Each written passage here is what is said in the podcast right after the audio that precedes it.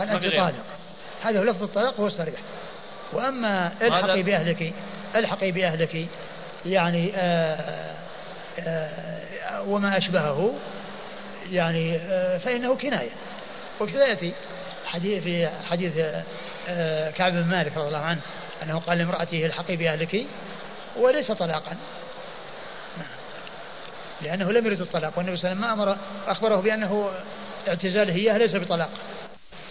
قال حدثنا أحمد بن عمرو بن السرح وسليمان بن داود قال أخبرنا ابن وهب قال أخبرني يونس عن ابن شهاب قال أخبرني عبد الرحمن بن عبد الله بن كعب بن مالك أن عبد الله بن كعب وكان قائد كعب كعب وكان قائد كعب من بنيه حين عمي قال سمعت كعب بن مالك رضي الله عنه فساق قصته في تبوك قال حتى إذا حتى إذا مضت أربعون من الخمسين إذا رسول رسول الله صلى الله عليه وآله وسلم يأتي فقال إن رسول الله صلى الله عليه وآله وسلم يأمرك أن تعتزل امرأتك. قال فقلت أطلقها أم ماذا أفعل؟ قال لا بل اعتزلها فلا تقربنها. فقلت لامرأتي الحقي بأهلك فكوني عندهم حتى يقضي الله سبحانه في هذا الأمر. ثم ورد أبو داود حديث كعب مالك رضي الله عنه في قصة آه، تخلف في غزوة تبوك وتوبة الله عليه. وأن النبي صلى الله عليه وسلم هجره خمسين ليلة وأنه بعدما مضى أربعون أرسل إليه آه، واحدة من أصحابه يأمره بأن يعتزل زوجته. ولما آه، أبلغه الخبر قال أطلقها أم ماذا؟ يعني هذا الاعتزال هل هو تطليق أو غير تطليق؟ فقال لا بل اعتزلها ولا تقربنها. فقال الحقي بأهلك حتى حتى يأذن الله. حتى يقضي الله سبحانه في هذا الأمر. حتى يقضي الله سبحانه في هذا الأمر. ومحل الشاهد من قوله الحقي بأهلك. الحقي بأهلك لأن هذا من كنايات الطلاق. والمعتبر فيه النية.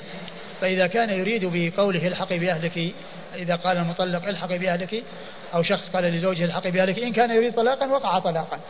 وإن كان لا يريد فإنه لا يقع. كما حصل لكعب مالك رضي الله عنه فإنه قال الحقي بأهلك. حتى يقضي الله في هذا الأمر. فيعني المعتبر هو النية في الكنايات في الطلاق. قال حدثنا أحمد بن عمرو بن السرح.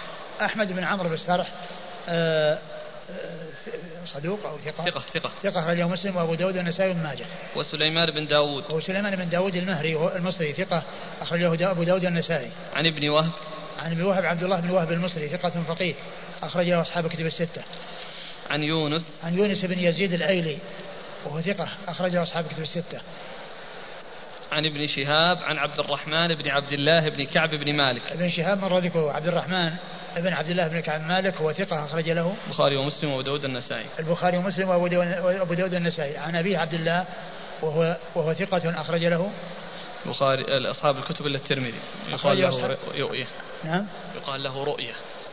يقال له رؤية وأخرج حديثه أصحاب الكتب الستة إلا الترمذي. عن أبيه كعب بن مالك رضي الله عنه صاحب رسول الله صلى الله عليه وسلم وحديثه أخرجه أصحاب الكتب الستة. والله تعالى أعلم وصلى الله وسلم وبارك على عبده ورسوله نبينا محمد وعلى آله وأصحابه أجمعين. جزاكم الله خيرا وبارك الله فيكم ونفعنا الله بما قلتم.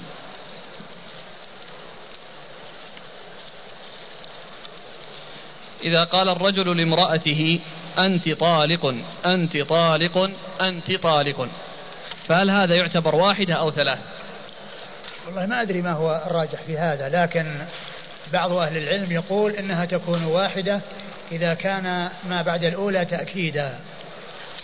ومنهم من يقول إن كل واحدة تعتبر تأسيسا فيكون ثلاثا والراجح في هذا لا يعني لا يتضح لشيء. الأخ هنا يستشكل يقول إذا قال أنت طالق أنت طالق أنت طالق. هل الطلقات الثانية والثالثة تقع في حين أنها أصبحت طالق بالواحدة؟ فليس للثانية والثالثة محل. لأنه طلقها الطلقة الأولى وأصبحت ليست في ملكه إلا بعد الرجعة.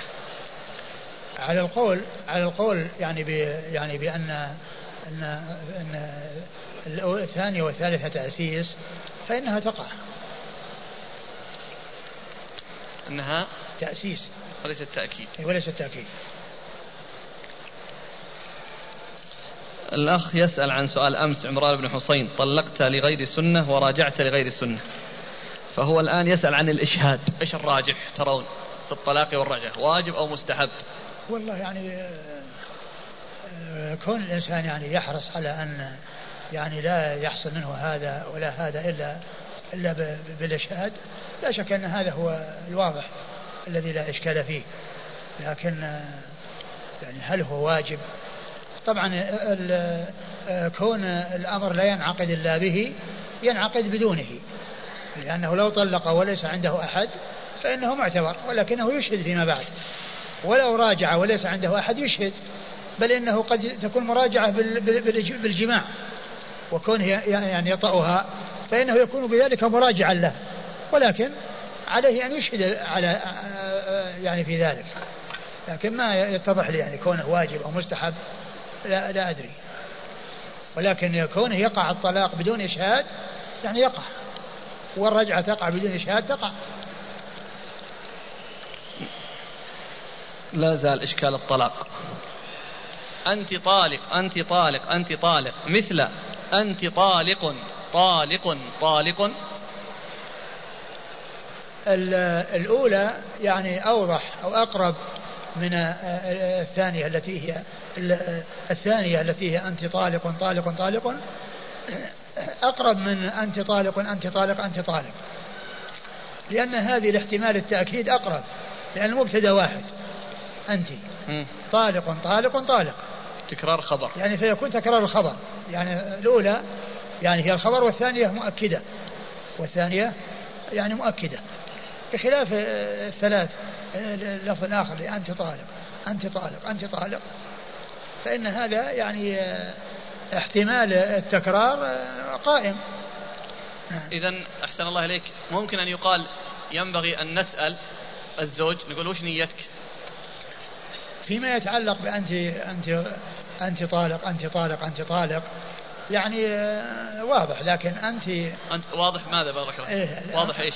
واضح أنه يعني آه، أنه يسأل إيه؟ وأنه يترتب عليه يعني آه، يعني كونه يعني يقول واحدة وأن قصد التأكيد لأن المبتدأ المبتدأ واحد والخبر يعني بعده واحد والباقي تأكيد محتمل. ويصدق. وأما أنت طالق أنت طالق أنت طالق يعني هذا قد يكون واضحا في أن كل واحدة مستقلة. مرة ثانية لو سمحت. يعني أنت طالق طالق طالق يعني كونه يسأل له وجه والاحتمال قوي. على اعتبار أن المبتدأ واحد والكلمة الأولى هي من طالق هي الخبر والباقي تأكيد لأنها جملة واحدة يعني ثنتين مؤكدة للأولى. وأما أنت طالق أنت طالق أنت طالق فهذه كل واحدة جملة مبتدأ وخبر مبتدأ وخبر. فهي يعني محتملة للتأكيد ومحتملة لغير التأكيد. ما هي مثل الأولى التي أنت طالق أنت طالق أنت طالق. فلما احتمل وأنا قلت لك يعني ما ما يتضح لي شيء. في آه، هل هي ثلاث أو أو واحدة. فيما فيما يتعلق أنت طالق أنت طالق أنت طالق. لكن أحسن الله إليك الآن فسدت الألسن. هو ما يعرف لا مبتدأ ولا خبر. هو يقول أنت طالق. لا كن أنت طالق أنت طالق أنت طالق. هذا كلام يعني كل واحدة جملة مستقلة. بخلاف أنت طالق طالق. هو نعم في الإعراب معلوم هذا لكن أقول القائل يعني الزوج يعني أتراه يعرف هذه الأمور. أنه مبتدأ وخبر وأراد أن يكرر الجملة بمبتدئها وخبرها بس هذا بس هذا هو كما هو معلوم من حيث اللغة ومن حيث المعنى يعني واضح. بخلاف هذا محتمل محتمل تأكيد ومحتمل تأسيس. بخلاف الأول فإن التوكيد واضح فيه اللي هو أنت طالق طالق طالق. حتى لا تقر... لا تقام الصلاة وبعدين يزعلون علينا الإخوان. يقولون أقيمت الصلاة البارحة. على سؤال. نعم. نرجو إعادته للأهمية. وهو؟ يذكر أنه لم يقرأ عليكم كتاب مدارك النظر فكيف قررتموه؟ مدارك النظر أنا قرأته مرتين. أنا الذي قرأته ما قرئ علي. قرأته مرتين ويعني عرفت ما فيه وكتبت ما كتبت بعد قراءته مرتين. الله. قال الإمام أبو داود السجستاني رحمه الله تعالى باب في الخيار. قال حدثنا مسدد قال حدثنا أبو عوانة عن الأعمش عن أبي الضحى عن مسروق عن عائشة رضي الله عنها أنها قالت خيرنا رسول الله صلى الله عليه وعلى آله وسلم فاخترناه فلم يعد ذلك شيئا. يقول الإمام أبو داود السجستاني رحمه الله تعالى باب في الخيار. والمقصود بالخيار التخيير يعني يكون رجل يخير امرأته بين أن تبقى في عصمته وأن يعني وأن لا تبقى وأن يفارقها. هذا هو المقصود بالخيار أي بمعنى التخيير. و و إذا لم تختر وإنما بقيت مع زوجها واختارت البقاء فإنه لا يترتب على ذلك شيء. ولا يعتبر يعني طلاق وإنما حصل تخيير وحصل اختيار البقاء. وأما إذا حصل اختيار الفراق أو أنها اختارت الفراق فهذا اختلف فيه العلماء منهم من قال يعني يعني أنه يكون يعني له حق المراجعة ومنهم من يقول أنه يعتبر فراق نهائي وأنه لا مراجعة فيه. وفي حال اختيار البقاء مع الزوج فإنه لا يترتب على ذلك شيء. والنبي صلى الله عليه وسلم لما يخير نساءه بعد أن نزلت عليه الآية يا أيها النبي قل لأزواجك إن كنتن تريدن الله ورسوله تريدن الحياة الدنيا وزينتها فتعالين نمتعكن ويسرحكن سراحا جميلا وإن كنتن تريدن الله ورسوله والدار الآخرة فإن الله أعد للمحسنات منكن أجرا عظيما. واخترنا البقاء مع رسول الله صلى الله عليه وسلم. ولم يعد ذلك شيئا ولم يعد ذلك شيئا. يعني لم يكن طلاقا. ولهذا وقد أورد أبو داود حديث عائشة أن النبي صلى الله عليه وسلم خير نساءه فاخترنه ولم يعد ذلك شيئا. أي أن الأمر بقي على ما هو عليه ولم يترتب على ذلك شيء. وهذا واضح أنها إذا أنهن إذا لم يخترن وإنما اخترنا البقاء وأن المرأة اختارت البقاء أنه لا يترتب على ذلك شيء. وإنما الكلام فيما إذا اختارت الفراق.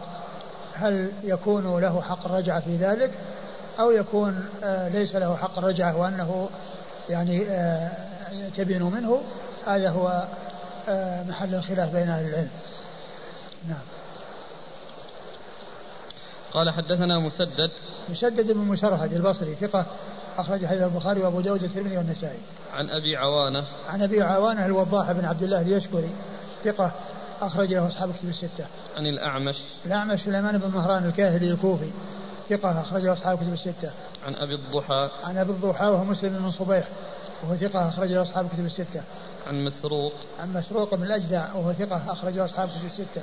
عن عائشة. عن عائشة أم المؤمنين رضي الله عنها وأرضاها الصديقة بنت الصديق وهي واحدة من سبعة أشخاص عرفوا بكثرة الحديث عن النبي صلى الله عليه وسلم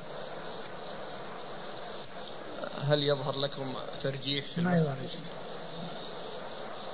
قال رحمه الله تعالى باب في أمرك بيدك.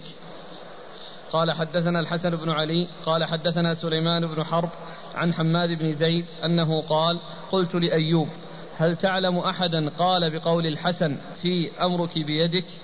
قال لا إلا شيء حدثناه قتادة عن كثير مولى بن سمرة مولى بن سمرة عن أبي سلمة عن أبي هريرة رضي الله عنه عن النبي صلى الله عليه وآله وسلم بنحوه. قال أيوب فقدم علينا كثير. فسألته فقال ما حدثت بهذا قط فذكرته لقتادة فقال بلى ولكنه نسي قال حدثنا مسلم بن إبراهيم قال حدثنا هشام عن قتادة عن الحسن في أمرك بيدك قال ثلاث ثم ورد أبو داود هذه الترجمة وهي باب قول الرجل لزوجته أمرك بيدك أمرك بيدك بيدك. يعني ما ما حكمه؟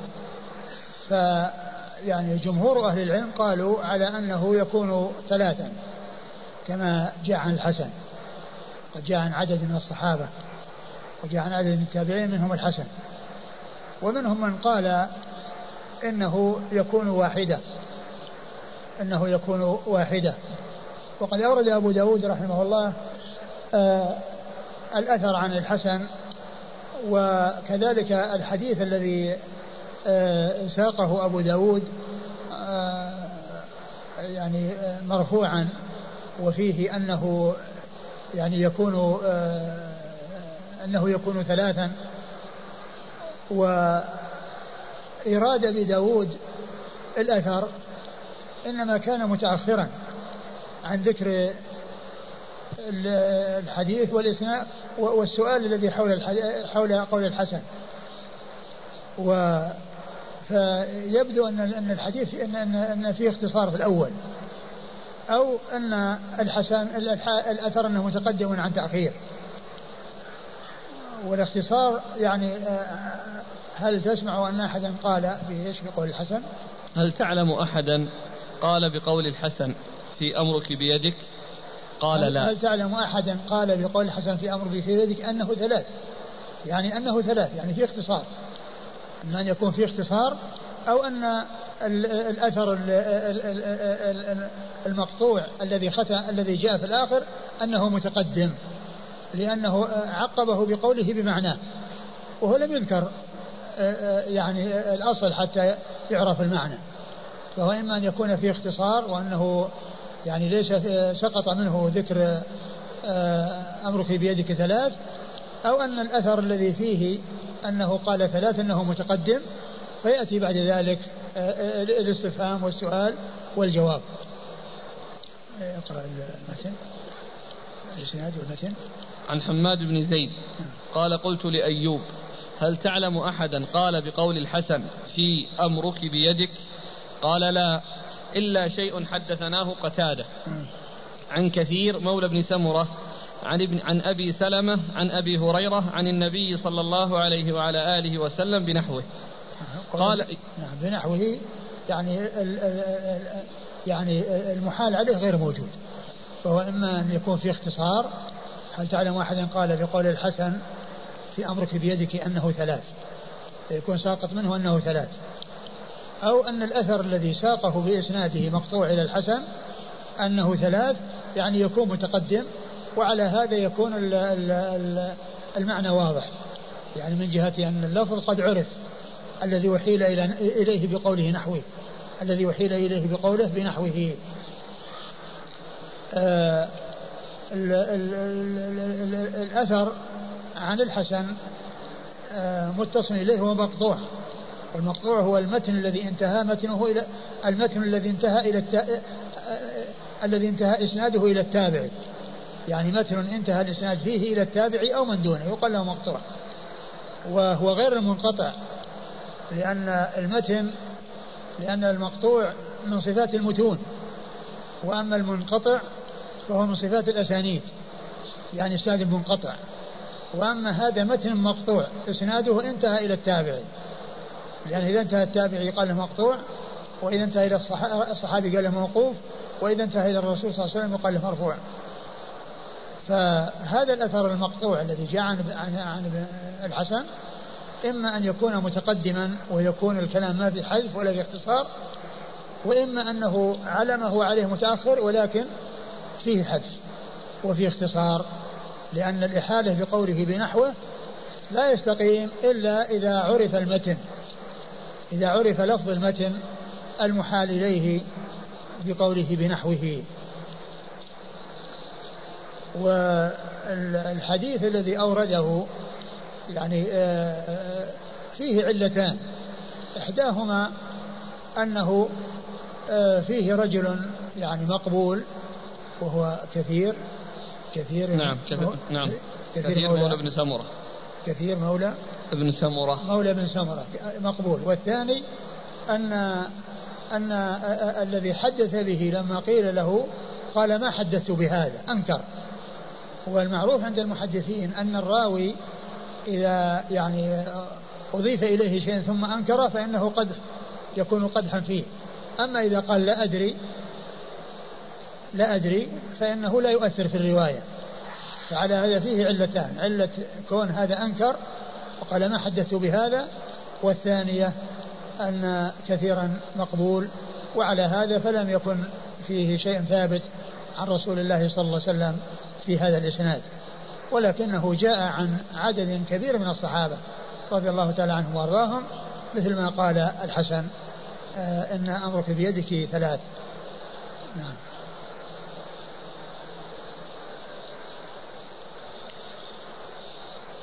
الإسناد ولا الأثر الثاني؟ لا الأسناد قال حدثنا الحسن بن علي. الحسن بن علي الحلواني ثقة أخرجه أصحاب الكتب الستة إلا النسائي.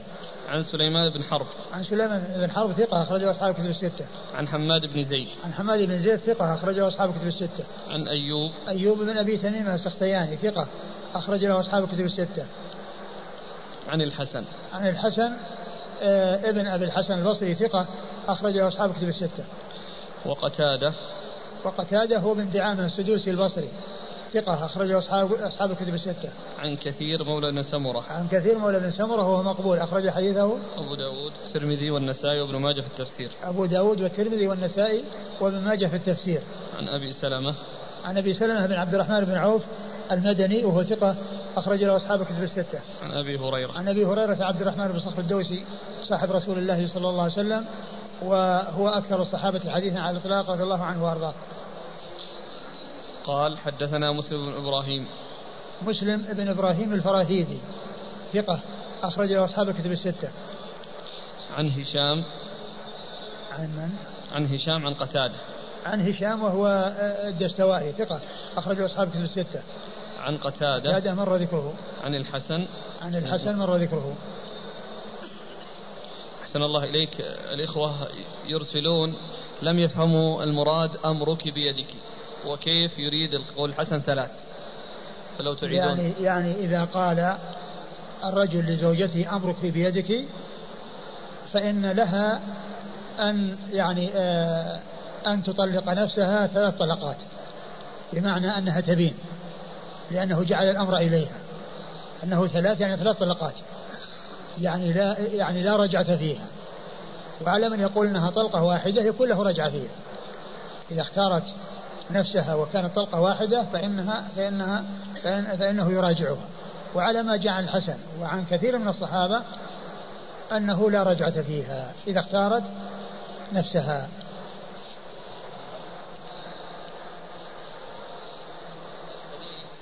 مروي في النسائي. في مروي عند النسائي. حديث أبي هريرة. هذا أيوه. وذاكر فيه بتمام.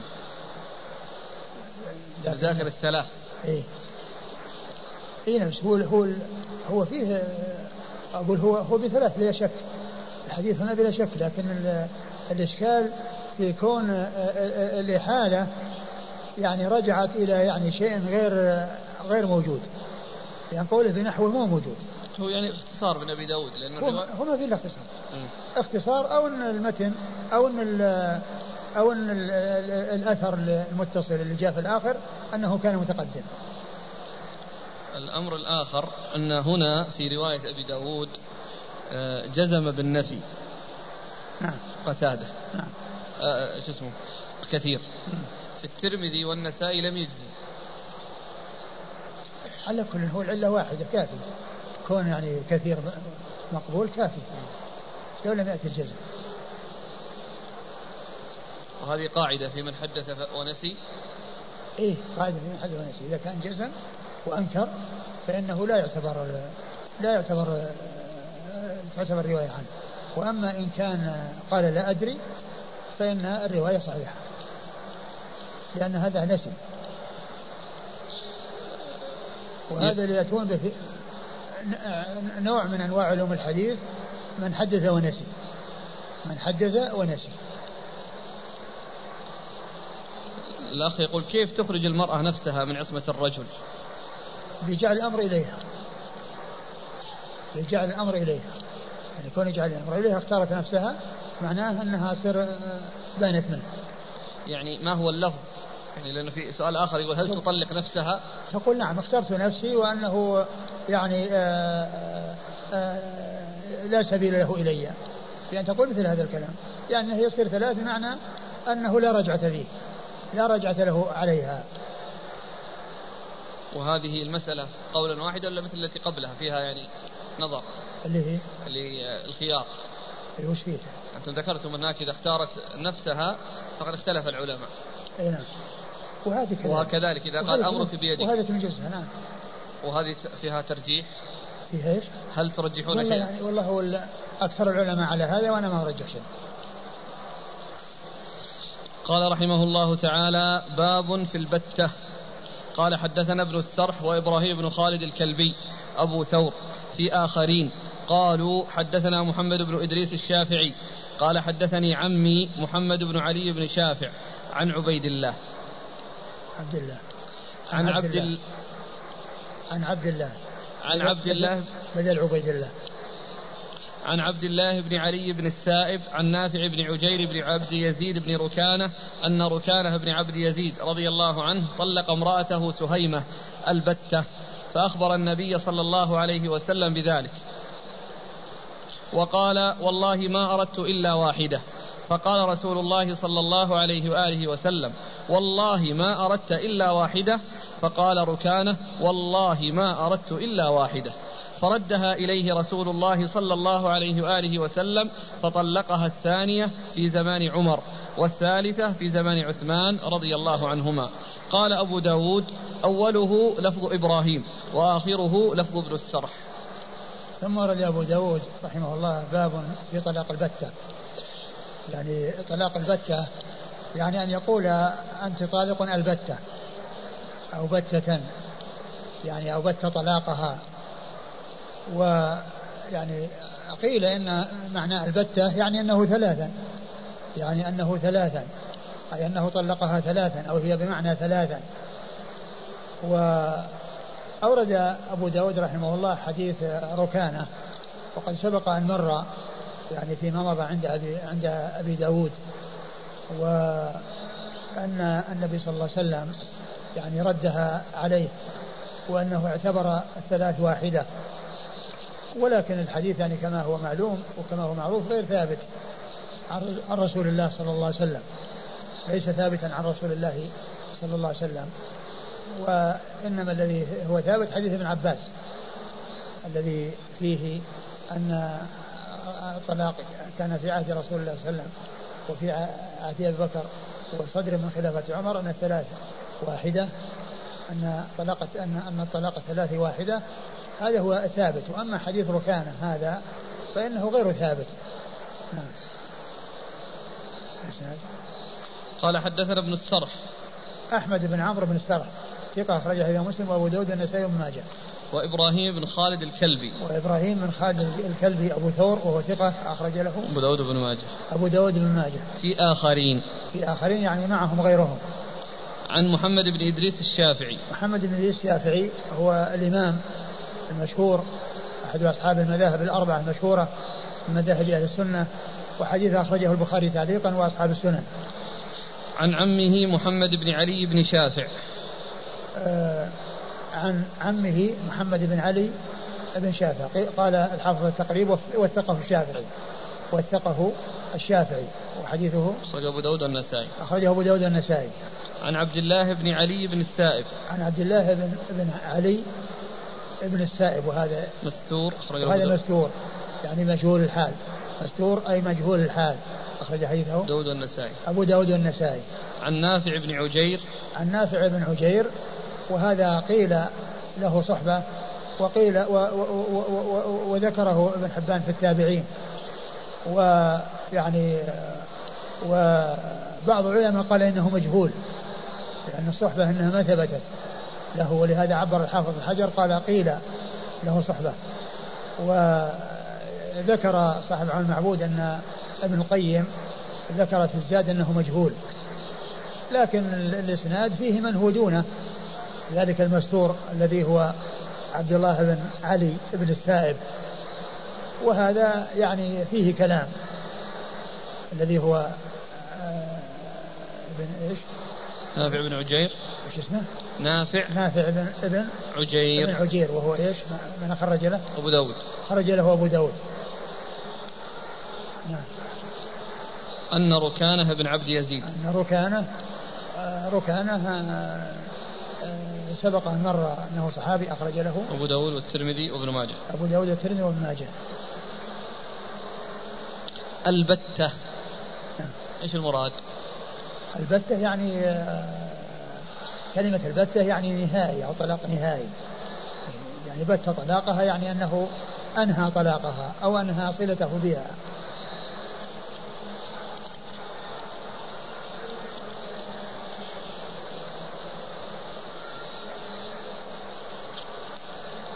قال أبو داود أوله لفظ إبراهيم وآخره لفظ ابن السرح. يعني الشيخان لأنه أبو داود له شيخان. أحدهما إبراهيم أبو ثور والثاني ابن السرح قال أوله لفظ إبراهيم وآخره لفظ ابن السرح يعني ما ساقه على لفظ واحد منهما وإنما جعل أوله على لفظ شيخ وآخره على لفظ شيخ آخر من شيخيه.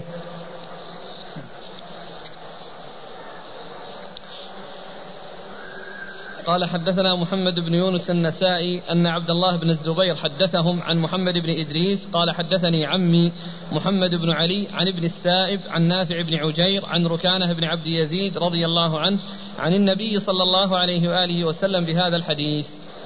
ثم ورد الحديث من طريق أخرى وأحال على السابق. والإسناد قال حدثنا محمد بن يونس النسائي. محمد بن يونس النسائي ثقة أخرج حديثه أبو داود. عن عبد الله بن الزبير. عن عبد الله بن الزبير وهو وهو الحميدي. عبد الله بن الزبير المكي الحميدي. وهو ثقة أخرج حديثه البخاري ومسلم في المقدمة وأبو داود والترمذي والنسائي وابن ماجه في التفسير. عن ابن عن محمد بن إدريس عن عمه محمد بن علي عن ابن السائب عن نافع بن عجير عن ركانة. وقد مر ذكرهم جميعا. وفيه الشخص الذي هو مستور اللي هو ابن السائب قال عنه ابن السائب يعني نسبه إلى جده.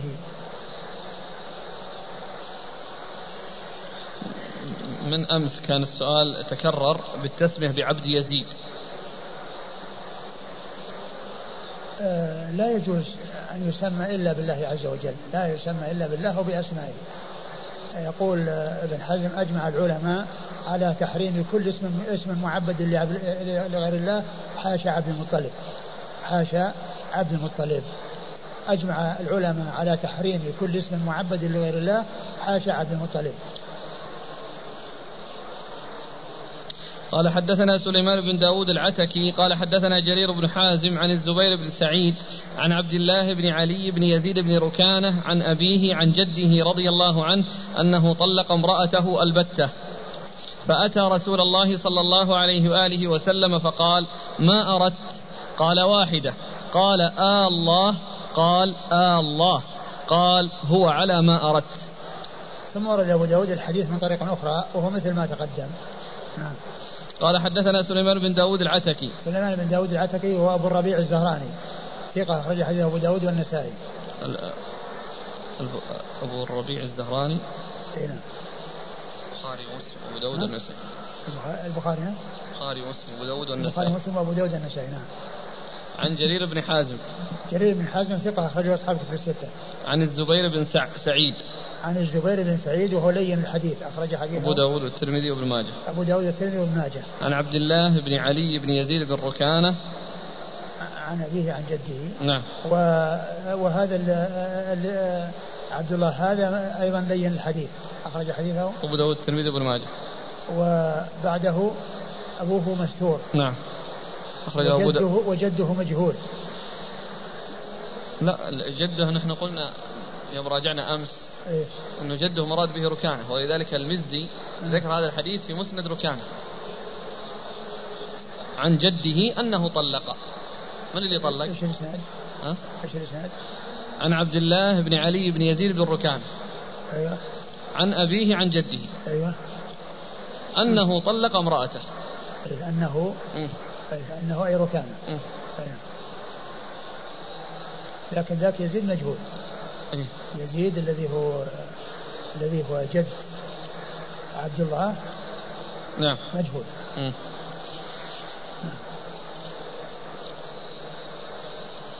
قال أبو داود وهذا أصح من حديث ابن جريج أن ركان طلق امرأته ثلاثا لأنهم أهل بيته وهم أعلم به. وحديث ابن جريج رواه عن بعض بني أبي رافع عن عكرمة عن ابن عباس. وسبق أن مر أن حديث ابن جريج هو الذي صح وهو مطابق لحديث ابن عباس في أن الثلاث واحدة. مطابق لحديث ابن عباس أن الثلاثة واحدة. وأما قول أبي داود فهذا فيه هؤلاء المجاهيل هؤلاء, هؤلاء الضعفاء الذين في إسناده و, و قول أبي داود أنه أصح. يعني لا يعني أنه يكون آه، صحيحا لأن كلمة أصح يعني إذا يعني أضيف إلى شيء آخر يعني أنه أمثل من غيره فلا يعني تصحيحه. مثل ما يقال للمريضين هذا أصح من فلان وكل منهما مريض. يعني أن هذا أحسن حالا من هذا. فلا يعني آه، يعني التصحيح وإنما يعني تقديمه على غيره. وأما من حيث الإسناد فذاك الذي هو حديث ابن بن بن بن بن جريج هو الذي سبق أن عرفنا أنه ثابت وأن الألباني صححه وذكر له شواهد.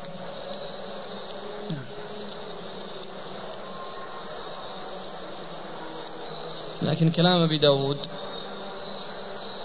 يفيد ترجيح هذا. اي نعم هذا كلامه يفيد هذا. لكنه ليس بصحيح. ذاك ذاك هو الصحيح. لكن وهذا ليس بصحيح. طيب ال ال يعني إيش الفرق بينهم حتى يقدم هذا على هذا؟ من حيث المتن. ليس من حيث الإسناد. يعني إيش الفرق بينهم؟ آه، من حيث هناك الذي سبق أن مر هناك فيما مضى. وش لفظه؟ اللي مر أمس أو قبل أمس؟ عن ابن جريج قال أخبرني بعض بني أبي رافع مولى النبي صلى الله عليه وسلم عن عكرمة مولى ابن عباس. عن ابن عباس قال طلق عبد يزيد أبو ركانة وإخوته أم ركانة ونكح امرأة من مزينة. فجاءت النبي صلى الله عليه وآله وسلم فقالت ما ما يغني عني إلا كما تغني تغني هذه الشعرة. لشعرة أخذتها من رأسها. ففرق بيني وبينه. يعني الفرق يعني كما هو واضح أن هذا الصحابي غير الصحابي. صاحب القصة غير صاحب القصة. لأن هنا ركانه وهناك يعني أبوه وهناك أبوه هو الذي طلق. أقول هناك أبوه اللي طلق. وهنا الذي طلق ركانه في في الحديث المتقدم أنه إيه؟ المطلق عبد يزيد. اي عبد يزيد نعم. وهنا المطلق ركانة. نعم. فهنا أبو داود يرجح أنه ركانة. أي نعم.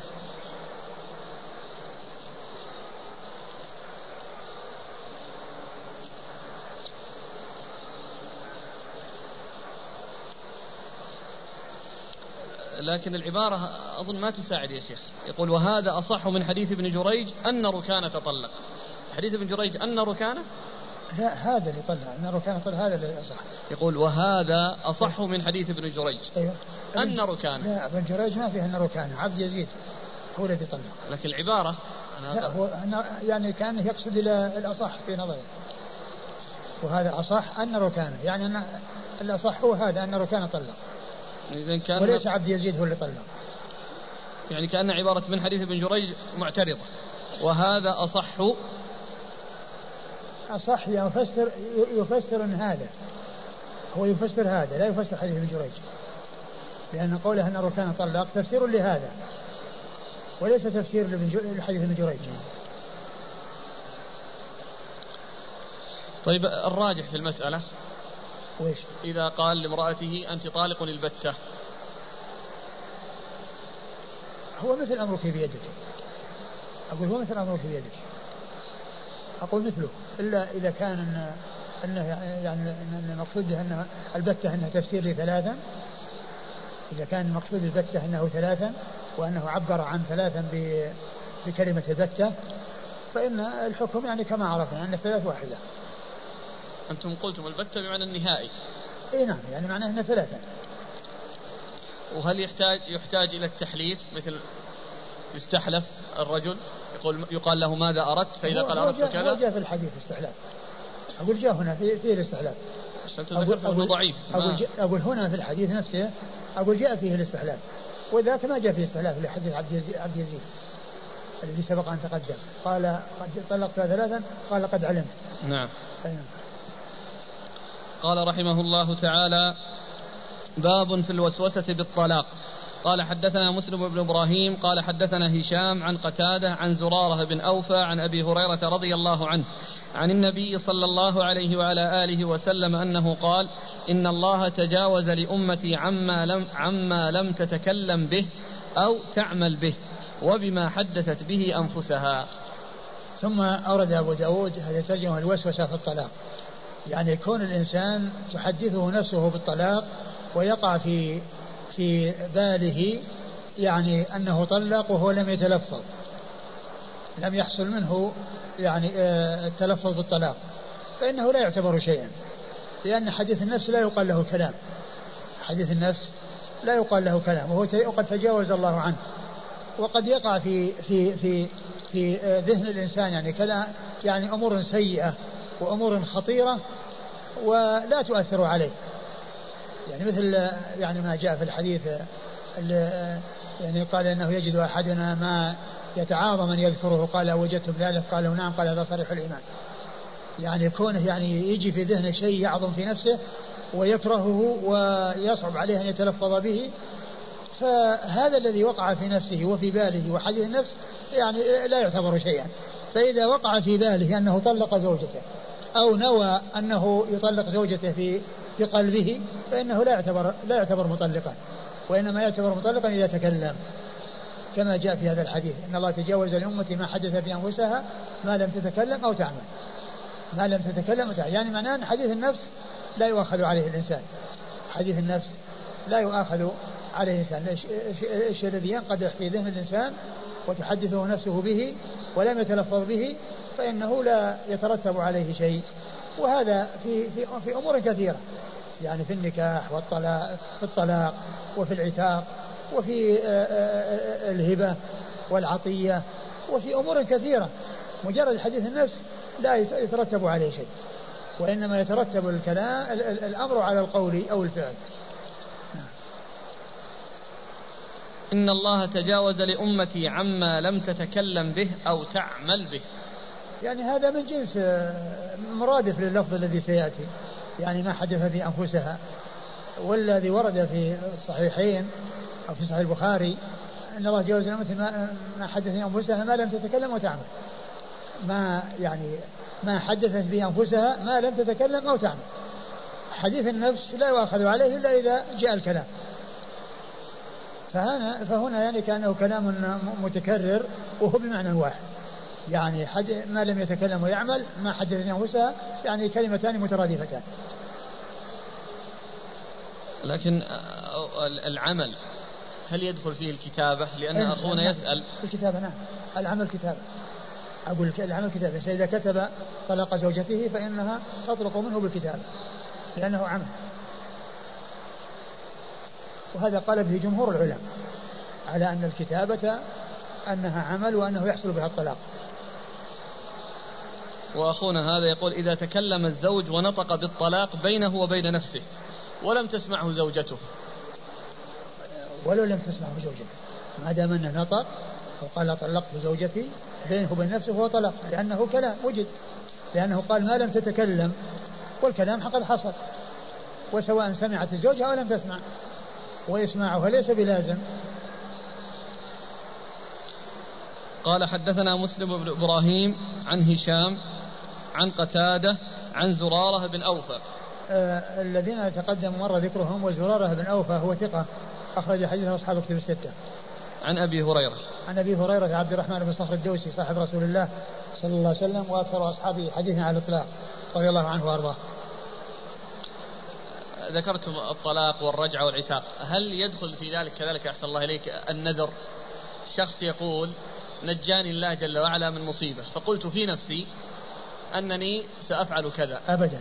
كل شيء في النفس لا يعول عليه ولا يعتبر شيئا وإنما يعتبر بالكلام. صلى الله عليه قال رحمه الله عام إن الله تجاوز لأمتي ما حدثت في أنفسها أي شيء. ما لم تتكلم وتعمل وكذلك يعني آه، قد يقع في بال الإنسان أمور خطيرة. يعني أمور يعني في غاية الصعوبة فلا يؤاخذ عليه. لكن إذا تكلم بها يؤاخذ عليها يعني مثل ما جاء في الحديث أن لا يزال الشيطان مع أحدكم يقول له من خلق كذا من خلق كذا حتى يقول من خلق الله. فمن وجد شيئا من ذلك فلينتهي وليقل آمنا بالله. يعني معناه هذا شيء في النفس. ما هو يتكلم يقول من خلق الله. وهل تكون الإشارة طلاقا إذا كانت مفهومة مثل الكتابة؟ أي نعم إذا كانت مفهومة اذا إذا قيل طلق زوجك وأشار يعني برأسه؟ برأسه بالإيمان؟ يعني مثل نعم. سبحان الله. أيه. سبحان الله. قال رحمه الله تعالى باب في الرجل يقول لامرأته يا أختي قال حدثنا موسى بن إسماعيل قال حدثنا حماد قال حاء وحدثنا أبو كامل. قال حدثنا عبد الواحد وخالد الطحان. المعنى كلهم عن خالد عن أبي تميمة الهجيمي أن رجلا قال لامرأته يا أخية فقال رسول الله صلى الله عليه وعلى آله وسلم أختك هي؟ فكره ذلك ونهى عنه. ثم ورد أبو داود قول الرجل لزوجته يا أختي. يعني أن ذلك لا يجوز لأن هذا مظنة التحريم ومظنة الظهار. فالشيء الذي يعني فيه إشكال عليه أن يبتعد عنه. فلا يقول لها يا أختي. لا يقول لها يا أختي. لأن هذا مظنة. لأن يكون ظهارا. وقد قال عليه الصلاة والسلام دع ما يريبك إلى ما لا يريبك دع ما يريبك إلى ما لا يريبك. أورد أبو داود يعني آه هذا الأثر أو هذا الحديث وهو مرسل آه أن رجلا أنه سمع رجلا يقول لزوجته يا أختي. قال أختك هي, هي قال إيش؟ قال أخت نعم. فقال صلى الله عليه وسلم أختك هي. فكره ذلك ونهى عنه. فكره ذلك ونهى عنه. يعني كره أن يقول رجل لزوجته يا أختي ونهى عن ذلك.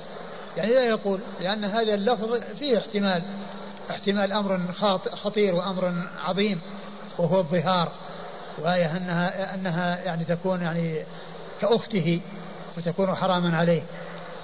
فيعني هو مظنة التحريم. فكرهه آه، ونهى عنه. نعم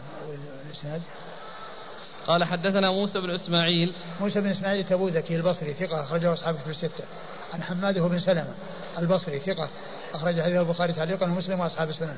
قال حا وحدثنا أبو كامل. قال حا وحدثنا أبو كامل وهو الفضيل بن حسين وهو ثقة أخرج له البخاري تعليقا ومسلم وأبو داود والنسائي. البخاري تعليقا ومسلم وأبو داود والنسائي. عن عبد الواحد عن عبد الواحد. م. عبد الواحد بن زياد وهو ثقة أخرج له. أصحاب الكتب. أخرج أصحاب الكتب الستة. وخالد الطحان. وخالد الطحان خالد بن عبد الله الواسطي وهو ثقة أخرجه أصحاب الكتب الستة. المعنى كلهم عن خالد. المعنى أي روايتهم متفقة بالمعنى كلهم يروون عن خالد وهو بن مهران المشهور بالحذاء الملقب بالحذاء وهو ثقة أخرجه أصحاب الكتب الستة. عن أبي تميمة الهجيمي. عن أبي تميمة الهجيمي وهو ظريف ابن مجالد وهو ثقة أخرجه البخاري وأصحاب السنن. وهو ثقة أخرجه البخاري وأصحاب السنن. عن رسول الله صلى الله عليه وسلم. عن رسول الله صلى الله عليه وسلم. قال حدثنا محمد بن إبراهيم البزاز قال حدثنا أبو نعيم قال حدثنا عبد السلام يعني بن حرب عن خالد الحذاء عن أبي تميمة عن رجل من قومه أنه سمع النبي صلى الله عليه وسلم سمع رجلا يقول يقول لامرأته يا اخيه فنهاه.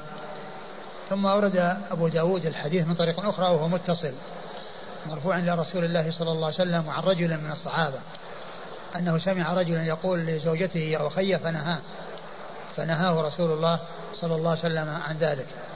وهذا يعني مثل الذي قبله يعني فيه النهي عن مثل هذا القول ومثل هذا اللفظ. نعم. قال حدثنا محمد بن إبراهيم البزاز. محمد بن إبراهيم البزاز ثقة أخرج له. أبو داود. أخرجه أبو داود. عن أبي نعيم. عن أبي نعيم الفضل بن دكين الكوفي ثقة. أخرج له أصحاب كتب الستة. عن عبد السلام يعني بن حرب. عن عبد السلام يعني بن حرب وهو ثقة أخرج له. أصحاب الكتب.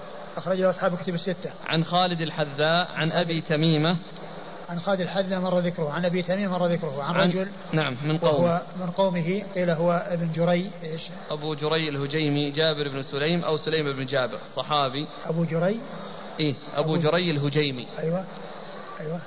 جاء اسمه جابر بن سليم أو سليم بن جابر. إيه نعم اختلفوا في اسمه. صحابي. صحابي أخرج له البخاري في المفرد وأبو داود والترمذي والنسائي. البخاري في المفرد وأبو داود والنسائي. أبو داود والترمذي والنسائي. وأبو داود والترمذي والنسائي.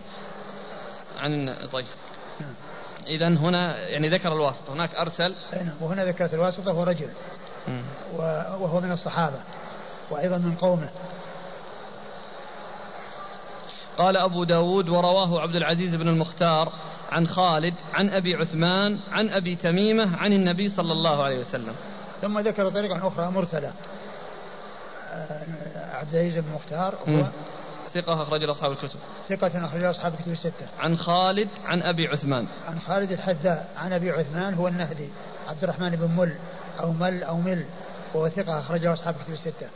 عن أبي تميمة عن النبي صلى الله عليه وسلم. عن أبي تميمة عن النبي صلى الله عليه وسلم. هنا ذكر الواسطة بين واسطة أبو أبو عثمان النهدي ورواه شعبة عن خالد عن رجل عن أبي تميمة. ورواه شعبة عن خالد اللي هو عن رجل عن أبي تميمة. وهنا أبهم فيه إبهام. ويحتمل أن يكون هو أبو النهدي أبو عثمان النهدي هذا. نعم. هنا شعبة من الحجاج الواسطي البصري ثقة أخرجه أصحاب كتب الستة. هنا في نهي الرجل. لو كانت المسألة بالعكس المرأة تقول لزوجها كما يقول أخونا إذا قالت الزوجة لزوجها يا أخي. المرأة ما تصير مظاهرة لكن ما يصلح أنها يعني ت... يعني تعبر مثل هذا التعبير. لكن ما تكون هي مظاهرة الظهار من الرجل ليس من المرأة. هذا يقول في بلادنا كثير من النساء ينادون أزواجهن يا أخي وذلك من باب الاحترام. وأصبح ذلك عادة منتشرة. أقول المناسب أن أن ينبه حتى تترك هذه العادة. طيب إذا قال يقول أخونا إذا قال لأجنبية. الأجنبية ما لها دخل. أقول الأجنبية ما أقول ما لها دخل. يعني كون يقول يا أختي نعم. هي أختي. مناسب؟ مناسب ما في بس يعني أخته في الإسلام ما في بس لأن ما في إلا الأخوة في الإسلام. ولا فيه الاحتمال احتمال الأمر الخطير.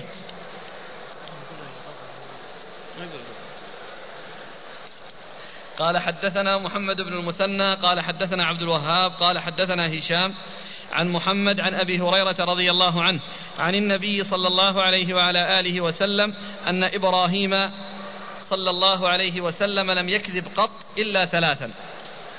ثنتان في ذات الله تعالى. قوله إني سقيم وقوله بل فعله كبيرهم هذا. وبينما هو يسير في أرض جبار من الجبابرة إذ نزل منزلا. فأتي الجبار فقيل له إنه نزل ها هنا رجل معه امرأة هي أحسن الناس. قال فأرسل إليه فسأله عنها فقال إنها أختي. فلما رجع إليها قال إن هذا سألني عنك فأنبأته أنك أختي وأنه ليس اليوم مسلم غيري وغيرك وإنك أختي في كتاب الله فلا تكذبيني عنده. وساق الحديث. ثم ورد أبو داود حديث أبي هريرة. نعم. حديث أبي هريرة رضي الله عنه أن, أن إبراهيم عليه الصلاة والسلام لم يكذب الله ثلاث كذبات اثنتان في ذات الله. وهي قوله إني سقيم وقوله بل فعله كبيرهم هذا. والثانية قوله للجبار الذي سأله عن زوجته وقال أختي. وكل هذه الثلاث آه يعني آه فيها تورية. أقول فيها تو فيها تورية. ويعني وفيها مجال. يعني لمعاني أخرى. يعني غير أن يكون الإنسان كاذب. ولكنه في الصورة يعني على حسب ما يفهم السامع هي كذب ولكنه في الحقيقة يعني ليس بكذب. اثنتان في ذات الله عز وجل إحداهما قوله إني سقيم يعني أنه مريض يعني في سقم. ومحمول قيل هذا محمول على أن قلبه يعني فيه تألم وفيه يعني تعب من فعلهم وصنيعهم وكونهم يعبدون الأوثان فقلبه فيه. يعني فيه استقام يعني من جهة التعب والتألم موجود. وهو كلام وهو حقيقة.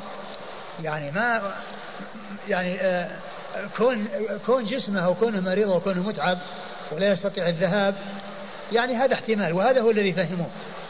وفيه معنى آخر وهو كون قلبه أنه يعني سقيم يعني متألم متأثر لصنيعهم ولفعلهم وكونهم يعبدون الأوثان ويعبدون هذه الأحجار التي آآ يعني آآ آآ لا تملك لنفسها شيئا لنفسها فضلا عن غيرها. وكذلك قوله بل فعله كبيرهم هذا. يعني هذا من باب الإلزام والمناظرة. يعني من باب الإلزام إذا إذا كان هذا معبودكم وأنتم ترجون منه النفع فإذا هو الذي فعل هذا. يعني إذا كان كذلك فهو الذي فعل هذا وهو لا يفعل هذا لأنه جمد. يعني لا يدفع عن نفسه ولا عن غيره. لا يدفع عن نفسه ولا عن غيره ولا يفيد نفسه ولا يفيد غيره. وقال في ذات الله عز وجل يعني من أجل الله عز وجل. وحتى الثالثة هي من أجل الله عز وجل لأنها دفع الضرر عن زوجته وهي في ذات الله. ولكن لما كانت الثنتان متمحضتان في أن ذلك لله وأما هذه ففيه شيء من حظ النفس وفيه شيء يتعلق بمصلحته وفائدته وهي كونها زوجته قال عن الاثنتين إنها في ذات الله. وإن كانت الثلاث هي كلها في ذات الله. من جهة أن كونه يريد أن يحمي زوجته وأن يحفظ زوجته وأن يدافع عن زوجته وأن يخلص زوجته من أن يقع لها شر وأن يقع لها بلاء هو في ذات الله عز وجل. وهي, كلها توريه وقال إن هذا الجبار أن سألني وإني قلت أختي إنك أختي وأنت أختي في كتاب الله. وليس هناك أحد يعني غيري وغيرك على الإسلام ولعل المقصود بذلك إنه في هذا المكان وإلا فإنه في غير ذلك المكان. يعني يوجد ومنهم لوط حيث جاء فامن له لوط وكان في زمانه. فإذا يعني يحمل على أن في ذلك المكان ليس هناك أحد يعني سواه هو إياه. والمقصود منه قول إنه قال يا أختي من حيث التورية. يعني من حيث التورية والتخلص من من الشر الذي يعني قد يحصل له. فمثل هذا فيه تورية. والتورية سائغة. التورية عند الحاجة سائغة إليها. وهذا يأتي كثيرا.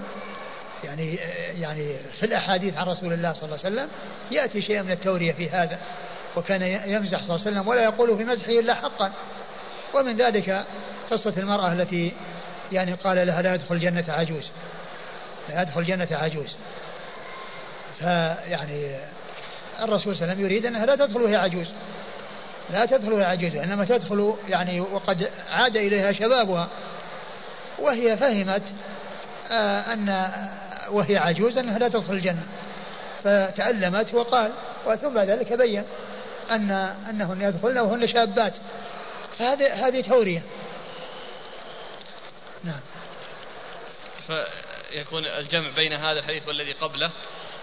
أن هذا للضرورة وتورية وليس فيه احتمال المعنى الباطل. وهو ما قاله إلا للحاجة ما قاله اختيارا. ما قاله اختيارا وإنما قاله مضطرا.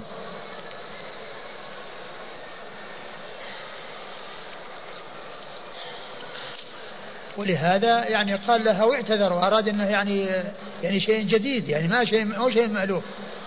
أقول ما هو شيء مألوف انه يخاطبها يقول يا أختي أو يتكلم معها أختي. ما قال إلا المره ومع ذلك يعني راح يبين لها وأنها إذا إذا سألها وأن كذا أنه يكون كلامهم متفق. قال حدثنا محمد بن المثنى. محمد المثنى العنزي أبو موسى الملقب الزمن. ثقة أخرجه أصحاب الكتب الستة بل هو شيخ لأصحاب الكتب الستة. عن عبد الوهاب عبد الوهاب بن عبد المجيد الثقفي ثقة أخرجه أصحاب الكتب الستة. عن هشام عن هشام بن حسان وهو ثقة أخرجه أصحاب الكتب الستة. عن محمد عن محمد هو بن سيرين وهو ثقة أخرجه أصحاب الكتب الستة. عن أبي هريرة. عن أبي هريرة عبد الرحمن بن صخر رضي الله عنه وقد مر ذكره. قال أبو داود روى هذا الخبر شعيب بن أبي حمزة عن أبي الزناد عن الأعرج عن أبي هريرة عن النبي صلى الله عليه وآله وسلم نحوه. ثم ذكر طريقا أخرى معلقة آه، رواها شعيب بن أبي حمزة الحمصي وهو ثقة أخرجه أصحاب كتب الستة عن أبي الزناد وعبد الله بن ذكوان المدني ثقة أخرجه أصحاب كتب الستة عن الأعرج وعبد الرحمن بن هرمز المدني ثقة أخرجه أصحاب كتب الستة عن أبي هريرة رضي الله عنه. انتهى الباب. نعم. والله تعالى أعلم وصلى الله وسلم وبارك على عبده ورسوله نبينا محمد وعلى آله وأصحابه أجمعين. جزاكم الله خيرا وبارك الله فيكم ونفعنا الله بما قلتم. هذا الحديث الأخير فيه أسئلة. منها قوله في ذات الله. هل الذات صفة تثبت لله تعالى؟ في ذات الله يعني من أجل الله. في ذات الله يعني من أجل الله. والذات يعني يقولون عنها هي ذات كذا وذات كذا. ذات كذا يعني آه، آآ آه، أنها توصف. يعني أن الذات هي التي توصف بها الصفات. ويقولون في قواعد أهل السنة والجماعة في إثبات الصفات الكلام في الصفات فرع عن الكلام في الذات. فكما أن لله ذات لا تشبه الذوات فله صفات تتصف بها ذاته لا تشبه الصفات. فقوله في ذات الله يعني من أجل الله. هنا الأخ يقول إطلاق كلمة الذات. هل هي سائغة أو أنها تخصص في الرد فقط على أهل البدع؟ والله هي كما هو علم هي سائغة لأنه الآن الكلام على الصفات هي توصف بها الذات. ولكن أصلها أنهم يقولون ذات كذا وذات كذا وذات كذا فقيل الذات. الذات. الألف واللام عوض عن المضاف إليه. ذات الله الذات. إيه، إيه. لا ذات علم ذات سمع ذات بصر ذات كذا. نعم. يستشهدون بقول شو اسمه الصحابي ذاك؟ خبيب. خبيب. وذلك في ذات الإله. هذا إيه. من جنس ذات هذا من جنس ذات الله اللي هنا في الحديث. ومن يعني إطلاقها سائغة. إيه أقول من بمعنى من أجل الله. بمعنى من أجل الله؟ وليس المقصود به يعني الذات. آه، آه، مجرد الذات التي توصف بها الصفات دون الصفات التي هي مضافة إليها. لأن وجود ذات مجردة من جميع الصفات يعني لا وجود له.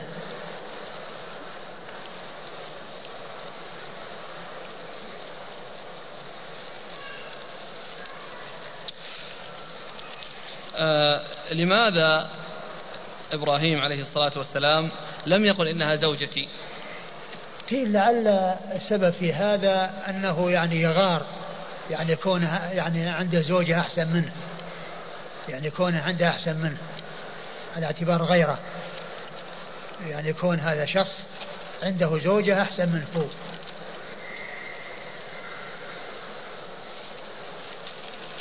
هل يجوز الصلاة والسلام على الأنبياء؟ مثل هنا على عن إبراهيم نعم صلى الله عليه وسلم. يصلى ويسلم على الأنبياء نعم. وهذا يقول بالتالي هل عندما نسمع ذلك نصلي كما نصلي نعم إذا سمعنا. الصلاة والسلام على الأنبياء. ينبغي علينا أن نصلي عليهم مثل النبي صلى الله عليه وسلم؟ آه كونه يلزم يعني مثل ما يقول النبي صلى الله عليه وسلم ما نعلم شيء يدل عليه ولكنه يصلي ويسلم على الأنبياء عليهم الصلاة والسلام. ما الفرق بين التورية والمعاريض؟ التورية هي المعاريض أن طيب. المعاريض المندوحة عن الكذب هي نفس التورية. التورية هي نفس المعاريض. سائل آخر يقول التورية والتقية. التورية والتقية؟ إيه؟ لا التقية هذه قد تكون يعني تورية من أجل التقية. هي التورية من أجل التقية من أجل التخلص من شر من أجل يتقي شر. يقول الإكثار من التورية حيث أصبح كثير من طلبة العلم يستخدمونها في كثير من الأحايين. ما يصلح أنها تستعمل إلا للحاجة. ما يصلح أنها تستعمل إلا للحاجة. أما بدون حاجة ما يصلح استعمالها. قول الرجل لزوجته أم المؤمنين. ما يصلح. أقول ما يصلح. أمهات المؤمنين زوجات الرسول صلى الله عليه وسلم. اللهم صل وسلم. اللهم صل وسلم. هذا ينقل عن ابن القيم في الحاشية حاشية عون المعبود. قال وفيه دليل على أن من قال لامرأته إنها أختي أو أمي على سبيل الكرامة والتوقير لا يكون مظاهرا. فكأنه يستشكل يعني يقول كيف؟ لا يعني هو نعم ما يكون مظاهر ولكن اللفظ المحتمل يترك. يعني هو لا يكون مظاهرا بمجرد انه يقول هذا الكلام هذا لكن مظنه لأنه قالوا مظنة مظنة التحريم. لأن الكلام هذا مظنة. هو يعني اللفظ الذي فيه احتمال يبتعد عنه. لكن مجرد أن يكون يقول يصير مظاهر وهو يريد التخفيف طبعا لا يكون. لا يكون مظاهرا.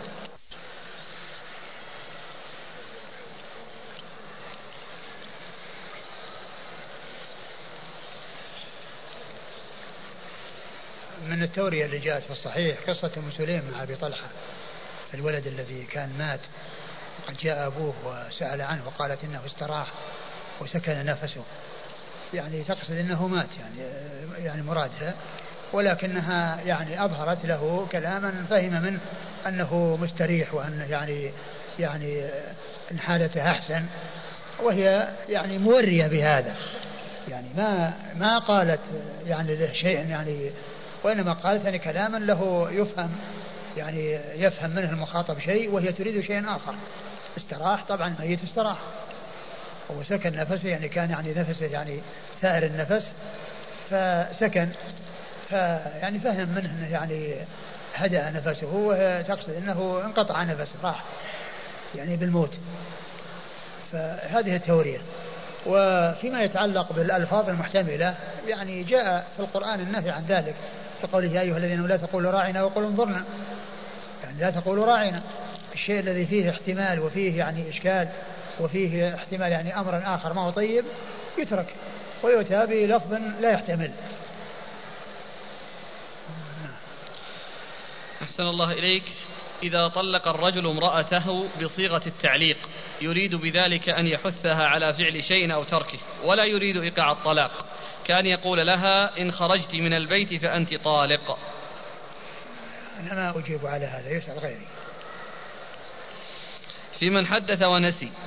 إذا كان مقبولا ثم يأتي من هو أوثق منه فيؤكد أنه حدث به ولكنه نسي ذلك. ألا يعتبر قول من هو أوثق؟ كيف إذا كان مقبولا؟ إذا كان مقبول يعني أنه يعني درجة نازلة يعني مثل كثير هذا اللي قال عنه مقبول إيه تقصد هذا؟ لا مقبول يعني ثبت عنه يعني الدرجة ولا قبل لا الدرجة ها؟ قول مقبول يعني هذا كثير هذا, هذا هو السائل يقول يريد الذي ذكرتموه أنه إيه. أنزل منه درجة. اي أنه أنزل من درجة. م. على كل ما دام الشخص يعني هو الذي يضاف إليه الكلام وهو حدث إذا كان انها إذا كان أنه يعني آه هو نفى ذلك عن نفسه أي إنسان ينفي عن نفسه شيء ينفي عن نفسه شيء فإن الطريق واحد والنتيجة واحدة. لكن كما عرفنا العلة اللي يعني هي ما فيها إشكال هو كونه مقبول. بالأمس مر علينا راوي اسمه عبد الحميد بن رافع. أي نعم. من المعلقات اللي أي نعم. في المت... في الستة الشواهد أو الست... الستة معلقات اللي نعم. بعد حديث جاء عن جاء رجل ابن عباس فطل أنه طلق امرأة ثلاثا فسكت. ثم قال ابن عباس ينطلق أحدكم فيركب الحموقة. بعد ذلك أتى بهذه أجازة إيه. أخونا جزاه الله خير يقول عبد الحميد بن رافع روى عن سعيد بن كعب. سعيد بن كعب؟ أي هذا يعني هو يذكر ترجمتين. وروى عنه الثوري وجرير بن حازم وأسامة بن زيد وابن جريج يعد في أهل الحجاز هذا من التاريخ الكبير. فقط. اللي هو الآن راوي عنه ابن جريج؟ عندنا إي نعم ابن جريج عن عبد الحميد بن رافع عن عطاء. عن عطاء. إيه، محتمل. وترجمة أخرى من الجرح والتعديل عبد الحميد بن رافع حجازي نفسها روى عن سعيد بن كعب والحسن بن مسلم وأبي فزارة. روى عنه سفيان الثوري وابن جريج. إيه، وأسامة بن زيد وجرير بن حازم سمعت أبي يقول ذلك. قال محمد روى عنه مسلم بن خالد الزنجي. لكن هذه ما تفيد جرح وتعديل. يعني تفيد بس إنه يعني معرفة الترجمة وانه يعني وأنه له ترجمة. لكن ما أنه ذكره البخاري وابن أبي حاتم ولم يذكرها فيه جرح ولا تعديل لكن الآن يعني قضية هو ليس من رجال الكتب. يعني لو كان يعني هذا ذكر. وقد يكون إنه عند أبي داود وليس عند غيره وأبو داود يعني لا يذكر يعني يعني المزي ومن تبعه آه، آه، من كان في المعلقات عند أبي داود. لأن أحيانا يأتي ذكر شخص معلق عند أبي داود في التعليق ويذكر من خرج له غير أبي داود. يعني في في في في, في المتصل. والأخ يفيد كذلك بأنه قد ذكره ابن حبان في الثقات في الجزء السابع صفحة 118 فقال يروي عن سعيد بن كعب عداد في أهل الحجاز روى عنه الثوري وابن جريج فإذا أصبح هذا معروف يعني معروف لكنه ليس من رجال الكتب الستة والآن حتى من حيث الجرح والتعديل يعني مرتبته نعم. إيش يحكم عليه؟ راو ذكره البخاري في التاريخ الكبير وابن أبي حاتم في الجرح والتعديل وذكره ابن حبان فقط. هو من ناحية الحديث الآن اللي معنا أو الذي معنا. نعم. يعني فيما يتعلق بال قصة ابن عباس أفتى بهذا. أقول هذا فتوى ورأيا رأيا رآه وقد جاء عنه إفتى بخلافه وجاء عنه الحديث بخلافه. فقضية يعني إثباته ثابت عن ابن عباس. ما هو مر بنا أمس أنه ثابت نفس ال الأثر. وهو وهو متصل مسند. بلى بلى. طيب. وش إسناده؟ حميد بن مسعدة عن إسماعيل عن أيوب عن عبد الله بن كثير عن مجاهد عن ابن عباس. كلهم ثقات. نعم. إيه، ثابت. هل يصح اشتراط المرأة في العقد أن تكون العصمة لها؟ لا. ما يصح أن يكون الطلاق بيدها. لأن أشكل على الإخوان أمرك بيدك. لا هذا قاله هو بعد فيما بعد. أقول قاله وأما كونها تدخل معه على أن الطلاق لها الطلاق لمن أخذ بالساق. لا يجوز اشتراط هذا شرط باطل. قول الرجل لامرأته لك الخيار أو أمرك بيدك. هل هذا من صريح الطلاق أو من الكنايات؟ هذا كما هو معلوم يعني ما حصل منه يعني شيء. أقول ما حصل من شيء يعني من كلامه هو وإنما تفويضها يعني وإعطائها يعني هذا الحق. كونها تختار أو كون كونها تختار نفسها عند التخيير أو أمرك بيدك أنها تختار يعني الخلاص منه. فهذا ما هو ما هو يعني هذا كما هو معلوم هذا من التفويض أو جعل الأمر إلى الغير.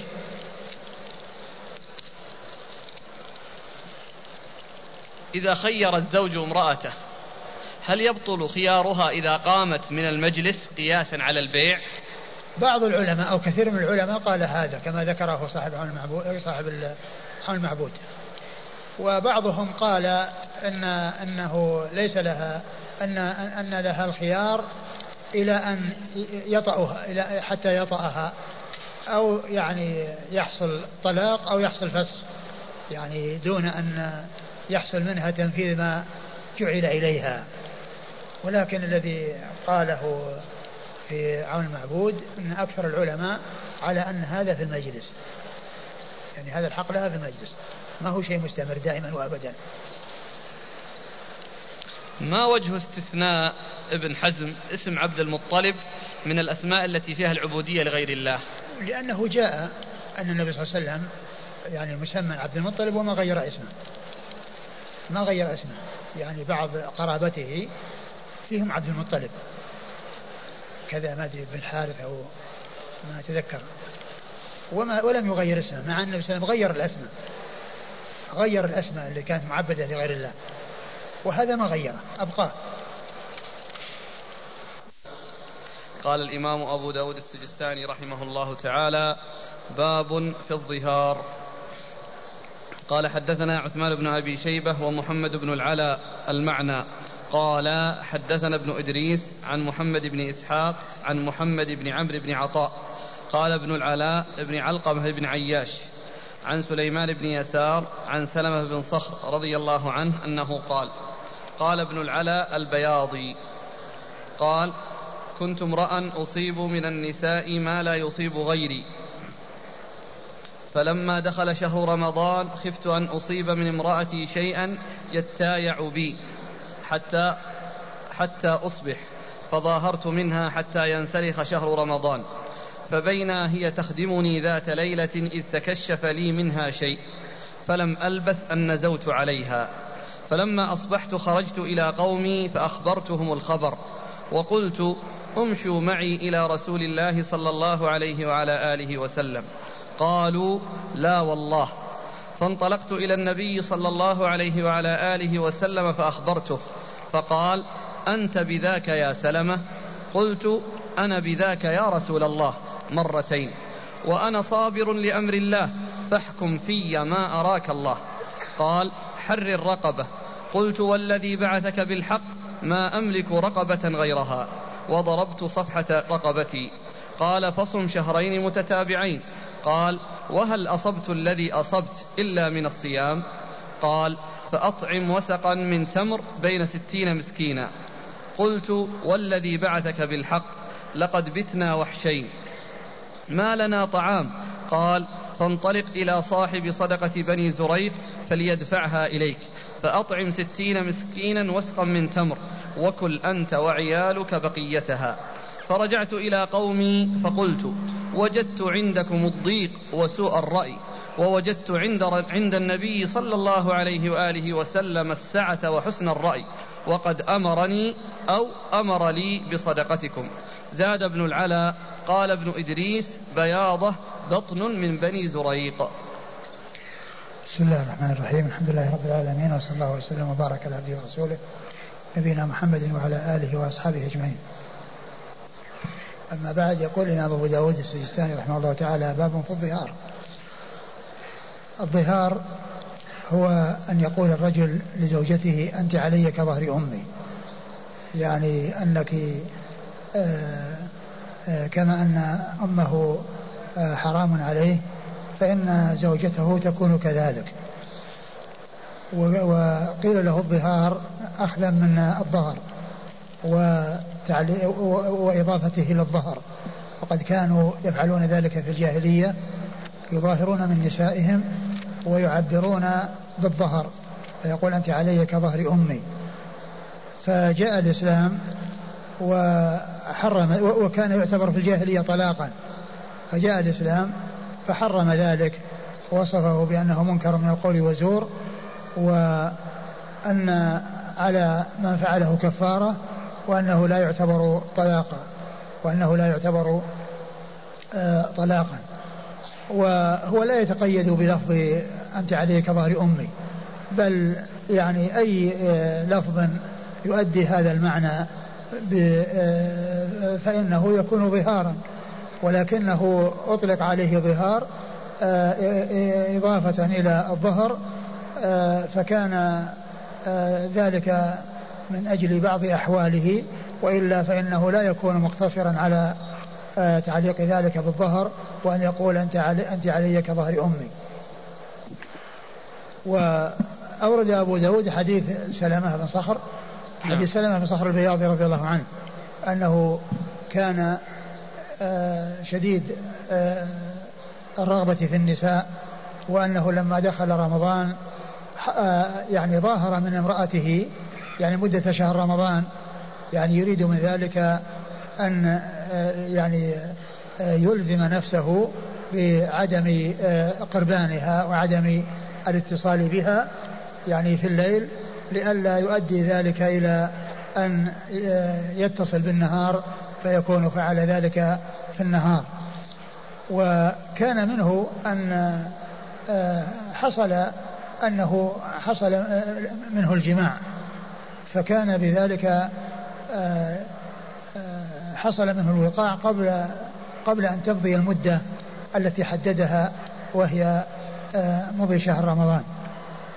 فجاء إلى النبي صلى الله عليه وسلم فأخبره الذي حصل له وأكد وكرر عليه قال أنت بذاك أي أنت الذي وقعت بذاك يعني منكرا عليه فقال إني آه، أنه قد حصل لذلك وأني صابر على حكم الله عز وجل فقال له أعتق رقبة.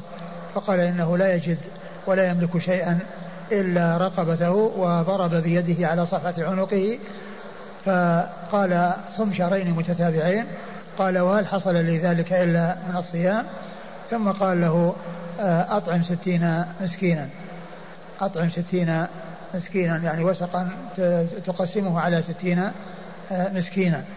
ف آه، لم يكن عنده شيء ولكن النبي صلى الله عليه وسلم أرسله إلى بني زريق وهم يعني من قومه وأمر أمرهم بأن يدفعوا له صدقتهم وأن يتصدق آه، منها وأن يتصدق منها وأن يؤدي الصدقة من هذا الذي آه، آه، أعطاه إياه النبي صلى الله عليه وسلم في حالته إلى قومه ليدفعوا لهم يدفعوا له صدقتهم. وفي هذا دليل على أن الظهار يجب فيه الكفارة وأنه على هذا الترتيب وقد جاء ذلك في القرآن في سورة المجادلة في أولها. وفيه دليل أيضا على أن التعقيت في الظهار وتحديد زمن معين له بأن يقول أنت علي كظهر أمي إلى نهاية شهر رمضان أو إلى يعني إلى الليل أو إلى بعد يومين أو إلى ثلاثة أن ذلك يقع وأنه يكون ظهارا وأن عليه أن يمتنع في تلك المدة التي حددها وأنه يكون مطلقا بحيث لا يكون مقيدا وإنما يقول أنت علي كظهر أمي ويطلق كل ذلك يكون ظهارا.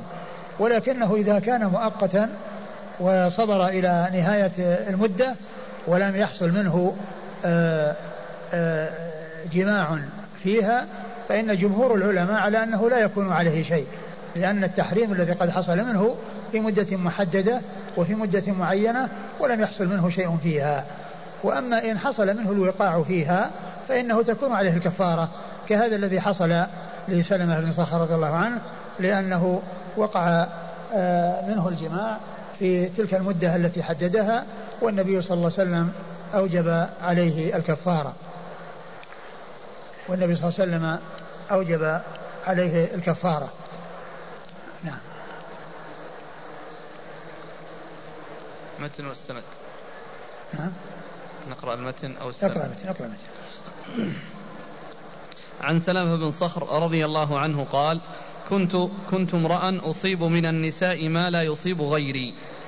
فلما دخل شهر رمضان خفت أن أصيب من امرأتي شيئا يتايع بي حتى أصبح. يتايع بي حتى أصبح يعني معناه أنه آه، يحصل منه في الليل ثم يواصل حتى يدخل عليه النهار فيكون مجامعا في النهار. وإلا فإن المجامعة في الليل جاء القرآن بها.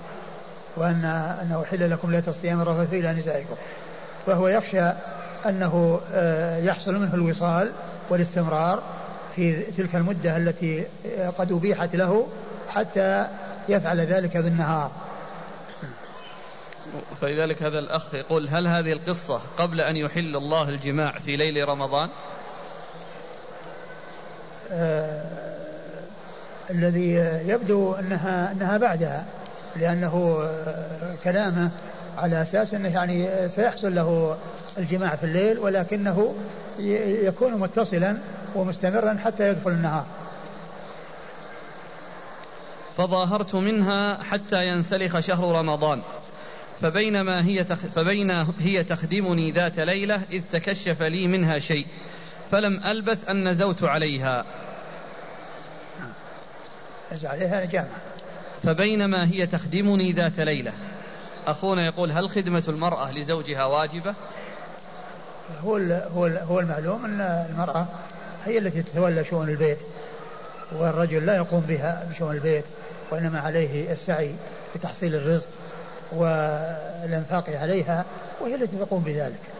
أقول هي التي تقوم بهذا هي التي تقوم بالطبخ وهي التي تقوم بما يلزم للزوج فهي لازمة لها. فلما أصبحت خرجت إلى قومي فأخبرتهم الخبر وقلت امشوا معي إلى رسول الله صلى الله عليه وعلى آله وسلم. قالوا لا والله. فانطلقت إلى النبي صلى الله عليه وآله وسلم فأخبرته. فقال أنت بذاك يا سلمة؟ قلت أنا بذاك يا رسول الله مرتين. يعني أنت الذي وقعت بهذا وأنت الذي آه، تلبست بهذا فكرر ذلك عليه وفي كل ذلك يجيب بأنه آه، وقع بهذا وأنه تلبس بهذا. نعم. وأنا صابر لأمر الله فاحكم في ما أراك الله. قال حرر رقبة قلت والذي بعثك بالحق ما أملك رقبة غيرها وضربت صفحة رقبتي.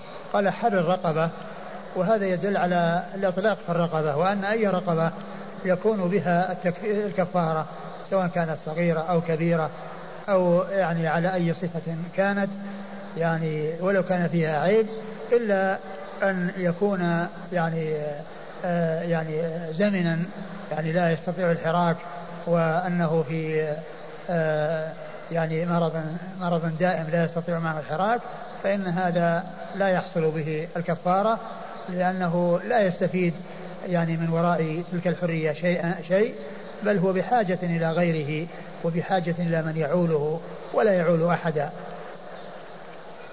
وأيضا يعني فيه إطلاق الكفارة كما جاء أيضا مطلقا في القرآن وأنه ليست موصوفة بالمؤمنة وقد جاء آه، وصف الرقبة بأنها مؤمنة في كفارة القتل فيكون المقصود بالكفارة هي الكفارة الرقبة هي المؤمنة التي آه، آه، يكون التكفير بها ولا تكون مطلقة بحيث يعني يكون الاعتاق لكافر أو لرقبة كافرة وإنما يكون لرقبة مؤمنة.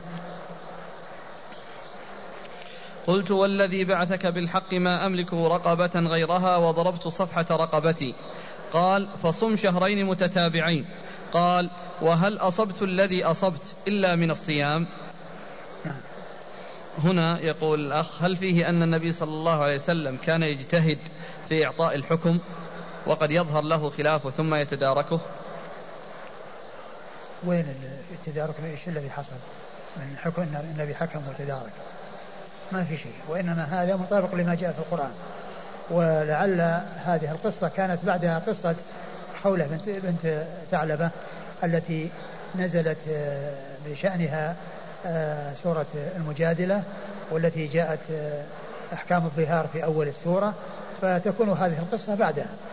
يعني هذه القصة تكون بعدها لأن هذه ليس فيها ذكر سبب نزول وإنما سبب النزول جاء في قصة حولة التي التي هي المجادلة فيكون الحكم يعني موجودا والنبي صلى الله عليه وسلم بين له ما جاء في القرآن.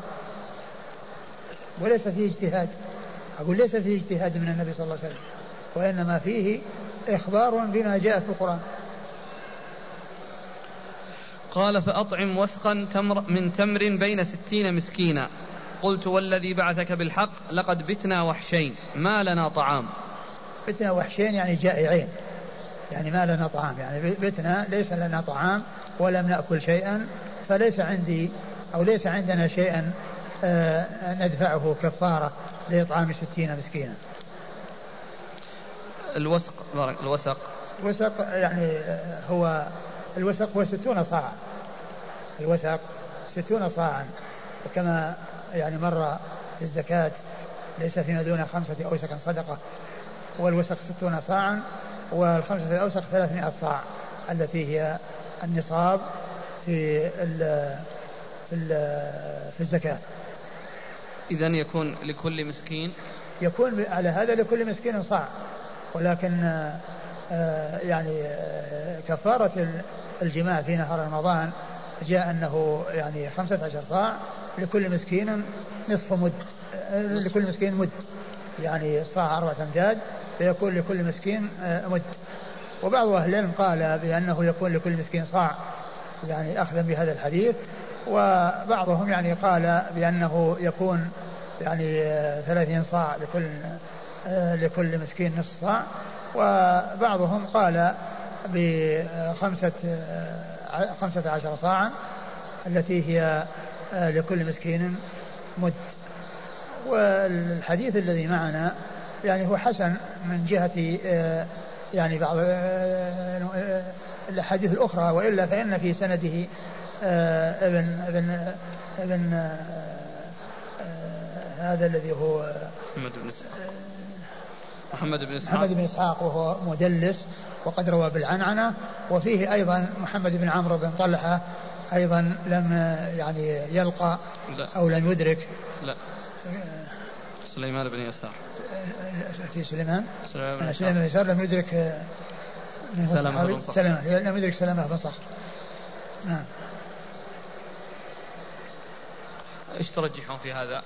والله الذي يبدو أنه الصاع يعني لا, لا يكون صاع لأن هذا شيء كثير وإنما الذي يبدو أنه المد لأن هذا هو الذي ثبت كفارة الظهار في رمضان نعم وهو الذي أيضا جاء يعني أيضا من طريق صحيح عن عن أبي سلمة بن عبد الرحمن ان أن العرق أو كذا أنه في 15 صاع لكن أكثر الكفارات على نصف صاع أليس كذلك؟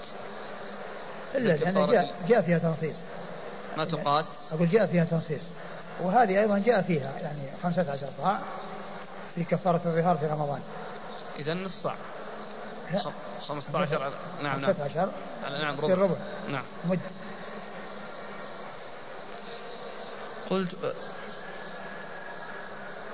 نعم. قال فانطلق إلى صدق إلى صاحب صدقة بني زريق فليدفعها إليك فأطعم ستين مسكينا وسقا من تمر وكل أنت وعيالك بقيتها فايش ف- فإيش؟ فانطلق إلى صاحب صدقة بني زريق آه. فليدفعها إليك آه. فأطعم ستين مسكينا وسقا من تمر آه. وكل أنت وعيالك بقيتها. فرجعت إلى قومي فقلت وجدت عندكم الضيق وسوء الرأي ووجدت عند النبي صلى الله عليه وعلى آله وسلم السعة وحسن الرأي. وقد أمرني أو أمر لي بصدقتكم. قال ابن العلا قال ابن إدريس بياضة بطن من بني زريق. يعني إنه قال هو البياضي يعني في الأول يعني آه، محمد بن العلاء أبو كريب قال في روايته البياضي يعني زيادة على رواية الشيخ الأول. وهو سلمه من صخر فقط ومحمد بن العلاء قال البياضي.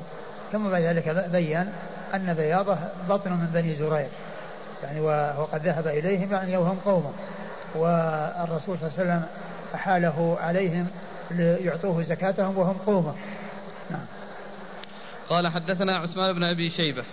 عثمان بن أبي شيبة ثقة أخرج له أصحاب الكتب الستة إلا الترمذي وإلا النسائي فإنه أخرج له في عمل اليوم والليلة. ومحمد بن العلاء محمد بن العلاء بن كريب أبو كريب البصري ثقة أخرج له أصحاب الكتب الستة. المعنى المعنى يعني الرواية متفقة بالمعنى مع اختلاف الألفاظ. عن ابن إدريس عن ابن إدريس عبد الله بن إدريس الأودي وهو ثقة أخرج له أصحاب الكتب الستة. عن محمد بن إسحاق محمد بن إسحاق المدني وهو صدوق يدلس أخرج له البخاري تعليقا ومسلم وأصحاب السنن. عن محمد بن عمرو بن عطاء. عن محمد بن عمرو بن عطاء وهو ثقة أخرجه أصحاب الكتب. وهو ثقة أخرج له أصحاب الكتب الستة. وقال ابن العلاء ابن علقمة بن عياش. وقال ابن علاء بن علقمة بن عياش يعني زاد في نسبه. يعني ابن- محمد بن العلاء زاد في نسبه. قال محمد بن عم- بن عطاء ابن علقمة بن عياش. هكذا قال محمد بن العلاء الذي هو الشيخ الثاني. وأما عثمان بن أبي شيبة فإنه قال محمد بن عمرو بن عطاء فقط. نعم. عن سليمان بن يسار. عن سليمان بن يسار وهو ثقة آه، فقيه أحد فقهاء المدينة السبعة في عصر التابعين وحديثه أخرجه أصحاب الكتب الستة.